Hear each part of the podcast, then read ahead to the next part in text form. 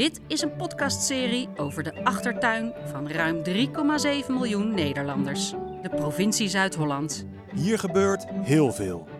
Dingen die te groot zijn voor de gemeente, Of te klein voor het Rijk, spannende dingen onzichtbare dingen. en vooral duurzame dingen. Ontdek onze verhalen, interviews en reportages en ga mee op reis. Mijn naam is Marieke van Buitenen. En ik ben Michiel van Poelgeest. Dit is De Achtertuin. Je staat er misschien niet elke dag bij stil, maar de provincie is verantwoordelijk voor een groot deel van het openbaar vervoer in Zuid-Holland. Treinen en ook bussen. En laten die bussen nu verantwoordelijk zijn voor ongeveer de helft van alle CO2-uitstoot. Tenminste, als we het hebben over de aanbesteden zaken, dingen dus die de provincie inkoopt. Op dit moment is zo'n 10% van de bussen in de provincie Zuid-Holland uitstootvrij. Dat moet in 2030 100% zijn, waarvoor nog flinke stappen gezet moeten worden. Is het haalbaar? Wat zijn de uitdagingen en waar loopt de provincie tegenaan? We vragen het aan Sebastiaan van der Vliet, senior beleidsadviseur. En ook maken we zelf een rit in een uitstootvrije bus. Hallo, hoor je me nu wel? Mooi. Dit is de stem van Grace Roelofs van Arriva Nederland. En samen met haar wacht ik op de bus. Wij zijn eh, nu in Leiden, eh, specifiek bij station Leiden de Vink. En we gaan een eh, podcast opnemen met, eh, met de chauffeur van ons. We wachten op buschauffeur Bas. 34. Is dat dan misschien? Ja, hij zwaait al. Oh, ja. Oké, top. En de bus arriveert keurig netjes op tijd. Jij moet Bas zijn. Hi. Alleen nog even opladen. En dan kunnen we gaan. Eh, dit is een eh, elektrische bus en in, eh, in Leiden hebben we er in totaal 23. Dus, ehm, en Ba- Bas die gaat wat meer vertellen over hoe het is om in zo'n bus te rijden. Ja, ik ben Bas Rijsdijk, ik ben chauffeur bij Arriva in Leiden. En ook op de elektrische bussen, de ZE-bussen. ja, ik ben begonnen op via Arriva heb ik mijn rijbewijzen gehaald. Ben ik op Leiden, standplaats Leiden ben ik gekomen. En daar rijden we ook met ZE-bussen, met elektrische bussen. Ik rij heel veel vroege diensten, dus dan pakken we hem uit de stalling. Staat hij nog helemaal uit. Zetten we het contact aan, wachten we eventjes totdat eh, alle lampjes uit zijn. En dan kunnen we hem doordraaien en dan zegt hij hybride systeem opstarten. En dan hoor je hem een, eh, een geluidssignaaltje maken. En dan eh, ja, is hij in principe klaar om te rijden. Ja, en je hebt een batterij. Waar, waar staat het de batterijniveau? Nou, nu toevallig, heel leuk. Hij springt nu echt precies op dit moment op volledig geladen. Het staat hier in mijn dashboard, maar hij is nu, nu is hij dus helemaal vol weer. En hoeveel kilometer kan je er dan nu mee rijden ongeveer? Ehm, nou ja, volgens de computer eh, die berekent dat zelf. Eh, ze zeggen rond de 100 kilometer, maar als je, dat is ook leuk om zelf een beetje te bekijken tijdens het rijden. Als je hem gewoon ook veel laat uitrollen, veel anticipeert en gewoon rustig rijdt. Dan zie je hem wel eens richting de 120 kilometer eh, gaan, zeg maar. Begrijp je eruit dat het ook een soort sport is voor de buschauffeurs om een soort maximaal eh, bereik eruit te halen? Zo zuinig mogelijk te rijden. Ja, nou ja, dat is natuurlijk wel waarvoor je bezig bent uiteindelijk. Het is eh, nog een beetje uitdaging in je werk, zeg maar extra. En dat, dat hebben we al met de dieselbus, hebben we daar eco-coaches voor. Eh, om ook het dieselverbruik zeg maar, naar beneden te krijgen. En ook zo comfortabel mogelijk voor de passagiers te rijden. En ja, dat werkt ook zo met, met de elektrische bus uiteindelijk. Dat je nog meer kan rijden zeg maar, op één acculading. Ja, wel grappig. Dat jij, en heb je er dan ook eh, onderling eh, een soort eh, competitie met de buschauffeurs? Van, Henk, eh, Nee. Henk, heb jij, hoe zit jij met je percentage? Nee, in principe niet. Geen, geen competities. We krijgen wel iedere maand krijgen we een, een uitdraai waarop staat wat je eco, eco-score noemen ze dat, wat je eco-score dan weer is. En ja, de een die doet er wel wat mee en de ander niet. Ik vind het altijd leuk om te zien. En Ja. als je dan weer ja, in het groene komt, dat is altijd leuk om te zien. Ja, en jij had meestal wel goede eco-scores. Ik heb de laatste, ja, tenminste eigenlijk altijd al, eh, ik heb nooit heel slecht gehad. Moet je natuurlijk nooit zeggen over jezelf. en eh, ja, nee, ik zit nu ook in het groene, eh, op de, in de A. Dus dat, dat gaat goed. Hartstikke goed. Nou, ik heb veel zin om, om ook een ritje te maken zo. Dus Ja, hartstikke leuk. We gaan kleine twee minuten gaan we vertrekken. top. Ehm, ja, moet ik wel even inchecken natuurlijk. Uiteraard. Ja, En een mondmasker.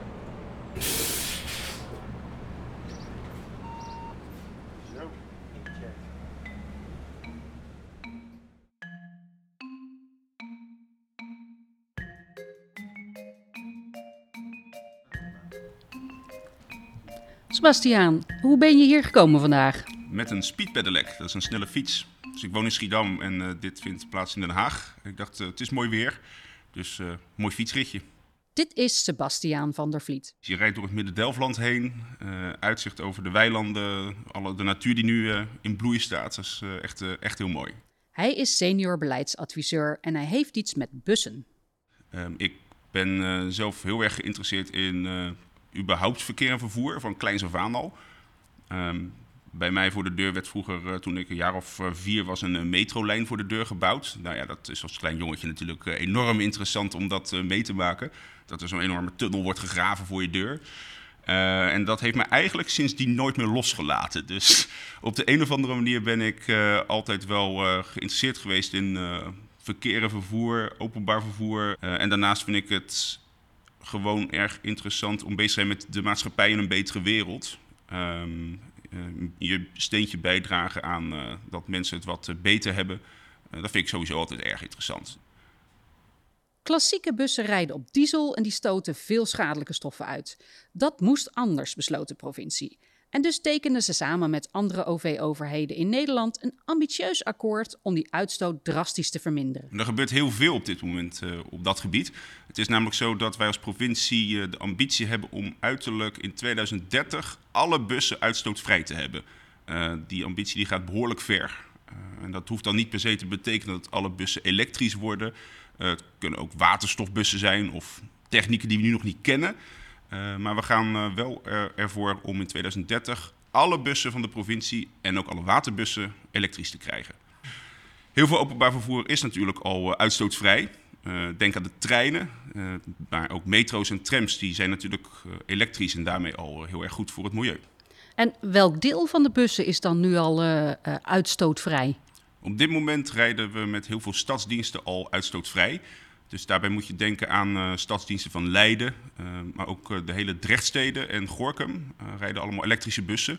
Dus op dit moment een procent of 15 van de bussen die al elektrisch is. en daarnaast hebben we ook al wat experimenten met waterstofbussen. Die rijden nu in de Hoekse Waard Overflakkee. dat zijn de eerste vier. En er komen het eind van dit jaar nog 20 bij. Oké, okay, uh, van 15% naar 100% in uh, 2030. Dat is ambitieus. Waarom vindt de provincie de ontwikkeling van duurzame bussen zo belangrijk? Ja, dat is zeker ambitieus, maar het moet ook wel als we onze klimaatdoelen willen halen. maar daarnaast hebben we ook nog een aantal andere ambities op het gebied van comfort en geluid. elektrische en waterstofbussen zijn een stuk comfortabeler om in te rijden. En uh, daarnaast uh, hoor je ze ook bijna niet. En dat is voor ook de omgeving heel erg uh, prettig. Dus zo werken we behalve aan duurzaamheid ook aan leefbare steden en aan ja, comfortabel openbaar vervoer.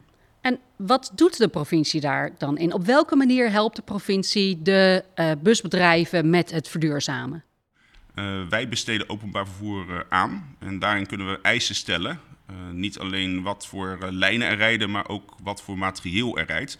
Dus wij eisen gewoon van alle vervoersbedrijven dat je uiterlijk in 2030 je hele vloot uh, zero emissie, zoals dat met een uh, mooi Engels woord heet, uh, moet hebben.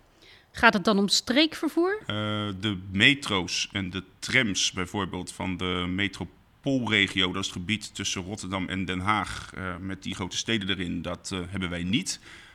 dus daar zijn wij niet verantwoordelijk voor het openbaar vervoer maar wel in het gebied eromheen. Dus dan moet je denken aan uh, Leiden, uh, aan Katwijk, aan Gouda, Dordrecht, Krimpenerwaard, Hoeksewaard, Goeree-Overflakkee, Al van der Rijn, naar al dat uh, gebied, ongeveer de helft van de provincie, daar zijn wij verantwoordelijk voor het openbaar vervoer. Nou, we hebben wel een aantal hele interessante praktijkvoorbeelden. Eén daarvan dat is bijvoorbeeld de stadsdienst van Leiden. Die is uh, twee jaar geleden compleet elektrisch uh, gaan rijden. Uh, met mooie nieuwe bussen. En daar doet die vervoerder, Arriva is dat, die daar zit dat erg goed. de bussen die zijn stil. de bussen die rijden hun rondjes, nauwelijks kinderziektes. dus dat is echt voor nieuwe techniek, want daar moeten we het ook altijd over hebben. Het is nieuwe techniek, dus daar kunnen dingen misgaan. Maar dat werkt daar gewoon heel erg goed. Um, een ander mooi voorbeeld is uh, de waterbus. Uh, vervoer over water is erg uh, energie-intensief. dus bij een waterbus dan moet je het hele gewicht van die boot verplaatsen over het water. Die moet ook snel, want anders kan je niet concurreren met de auto. En daarmee zijn waterbussen als op diesel varen zeer vervuilend. daar hebben we nu een, een heel verbeterprogramma voor. Dus vanaf volgend jaar varen daar volledig elektrische schepen op de waterbus. En deels ook hybride schepen. Dus zeg maar het gebied tussen Rotterdam en Dordrecht en binnen Drechtsteden. Dat is erg leuk ook als toerist om mee te varen. Dus dat kan ik iedereen van harte aanbevelen. maar vanaf volgend jaar dus met een hele nieuwe vloot met volledig elektrische en uh, hybride schepen. Je hebt er al iets over gezegd. Uh, wat zijn de uitdagingen met die nieuwe duurzame bussen? Ja, er zijn wel diverse uitdagingen van nieuwe bussen. Dat is allereerst dat het uh, nog vrij nieuwe techniek is, dus dat het is nog niet uitontwikkeld daarmee. maar er komen nog wat andere zaken bij kijken, zoals laadinfrastructuur. want je kan je voorstellen dat een bus ergens moet laden. En dat laden dat gaat niet op een stekkertje van 220 volt, wat je in je gewone woning hebt, waar je mee je koelkast en je magnetron aansluit. Maar het gaat over uh, serieuze stroomhoeveelheden. Dus op die laadplekken um, moet er ook een flinke kabel komen. En daar moet ook capaciteit voor zijn in het netwerk. En op dit moment is heel Nederland aan het elektrificeren. Dus er komen overal laadpalen bij. Er zijn enorm veel uh, ontwikkelingen ook met mensen met zonnepanelen. Dus die netbeheerders die lopen op dit moment uh, helemaal over van het werk. En het is daarmee uh, ook een uitdaging om op tijd de stroom te krijgen op plekken waar we dat willen hebben. wat luisteraars vooral moeten onthouden is dat elektrische bussen enorm comfortabel zijn. dus het is gewoon fantastisch om in te zitten. ga dat ook een keer doen als je nog niet een elektrische bus hebt gezien of erin hebt gezeten. En het is gewoon uh, heel erg goed voor het klimaat, voor de duurzaamheid. En het is ook heel erg uh, stil, waardoor de hele omgeving er ook van profiteert. Dat uh, bussen daarmee een stuk prettiger zijn in steden. Om, en ook op het platteland trouwens. om daar gewoon goed openbaar vervoer te hebben, wat veel minder overlast veroorzaakt.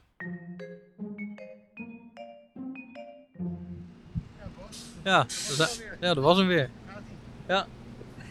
Het is dan wel een kort ritje van de Vink naar Leiden CS, maar het was zeker een stil en comfortabel ritje. Maar wat vindt Bas nou eigenlijk van het rijden in zo'n elektrische bus? Uh, ik vond het verrassend, laat het zo zeggen. Ik, uh, ik, had helemaal geen ervaring met elektrische voertuigen voordat ik bij Arriva kwam. Dus laat staan met een groot voertuig, een bus of een vrachtauto, ook helemaal niks.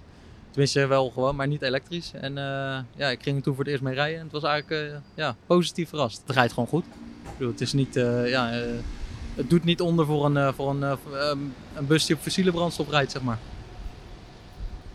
Was je misschien aanvankelijk een beetje bang dat die misschien weinig powers hebben of zo? Dat, of, ja, dat denk je toch. Dat er een beetje weinig vermogen in zit. En, maar dat is alles behalve, behalve waar. Dat is echt, er zit juist heel veel vermogen in. Bas is ervan overtuigd dat de toekomst van bussen elektrisch is het wordt elektrisch en het zal iets van waterstof eh, worden in die, eh, die richting. Maar elektrisch is wel een heel groot, eh, groot deel wat het nu gaat worden natuurlijk. Waar ze op inzetten. Het gaat erom dat je de mensen van A naar B vervoert. En ja, het wordt steeds meer elektrische voertuigen. Dus dat komt vanzelf dat we alleen nog maar elektrische bussen hebben dadelijk.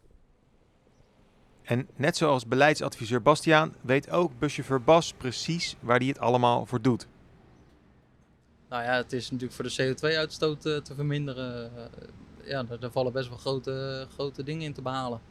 Als je een elektrische bus inzet, die, die stoot veel minder CO2 uit dan een dieselbus natuurlijk. Tenminste, een elektrische bus stoot geen CO2 uit. Ik bedoel, uh, ja, we rijden ook op groene stroom.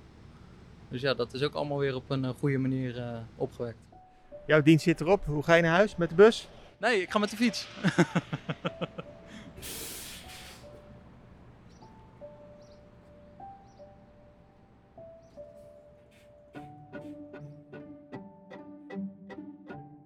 Dit is een podcastproductie van de provincie Zuid-Holland, geproduceerd door Klank. Dat is Klank met AE. Voor meer informatie over deze podcast en onze sprekers ga je naar www.zuid-holland.nl/podcast. Vergeet niet dat je je ook kunt abonneren op deze podcast. Dan verschijnt elke nieuwe aflevering vanzelf in je feed. Dank voor het luisteren.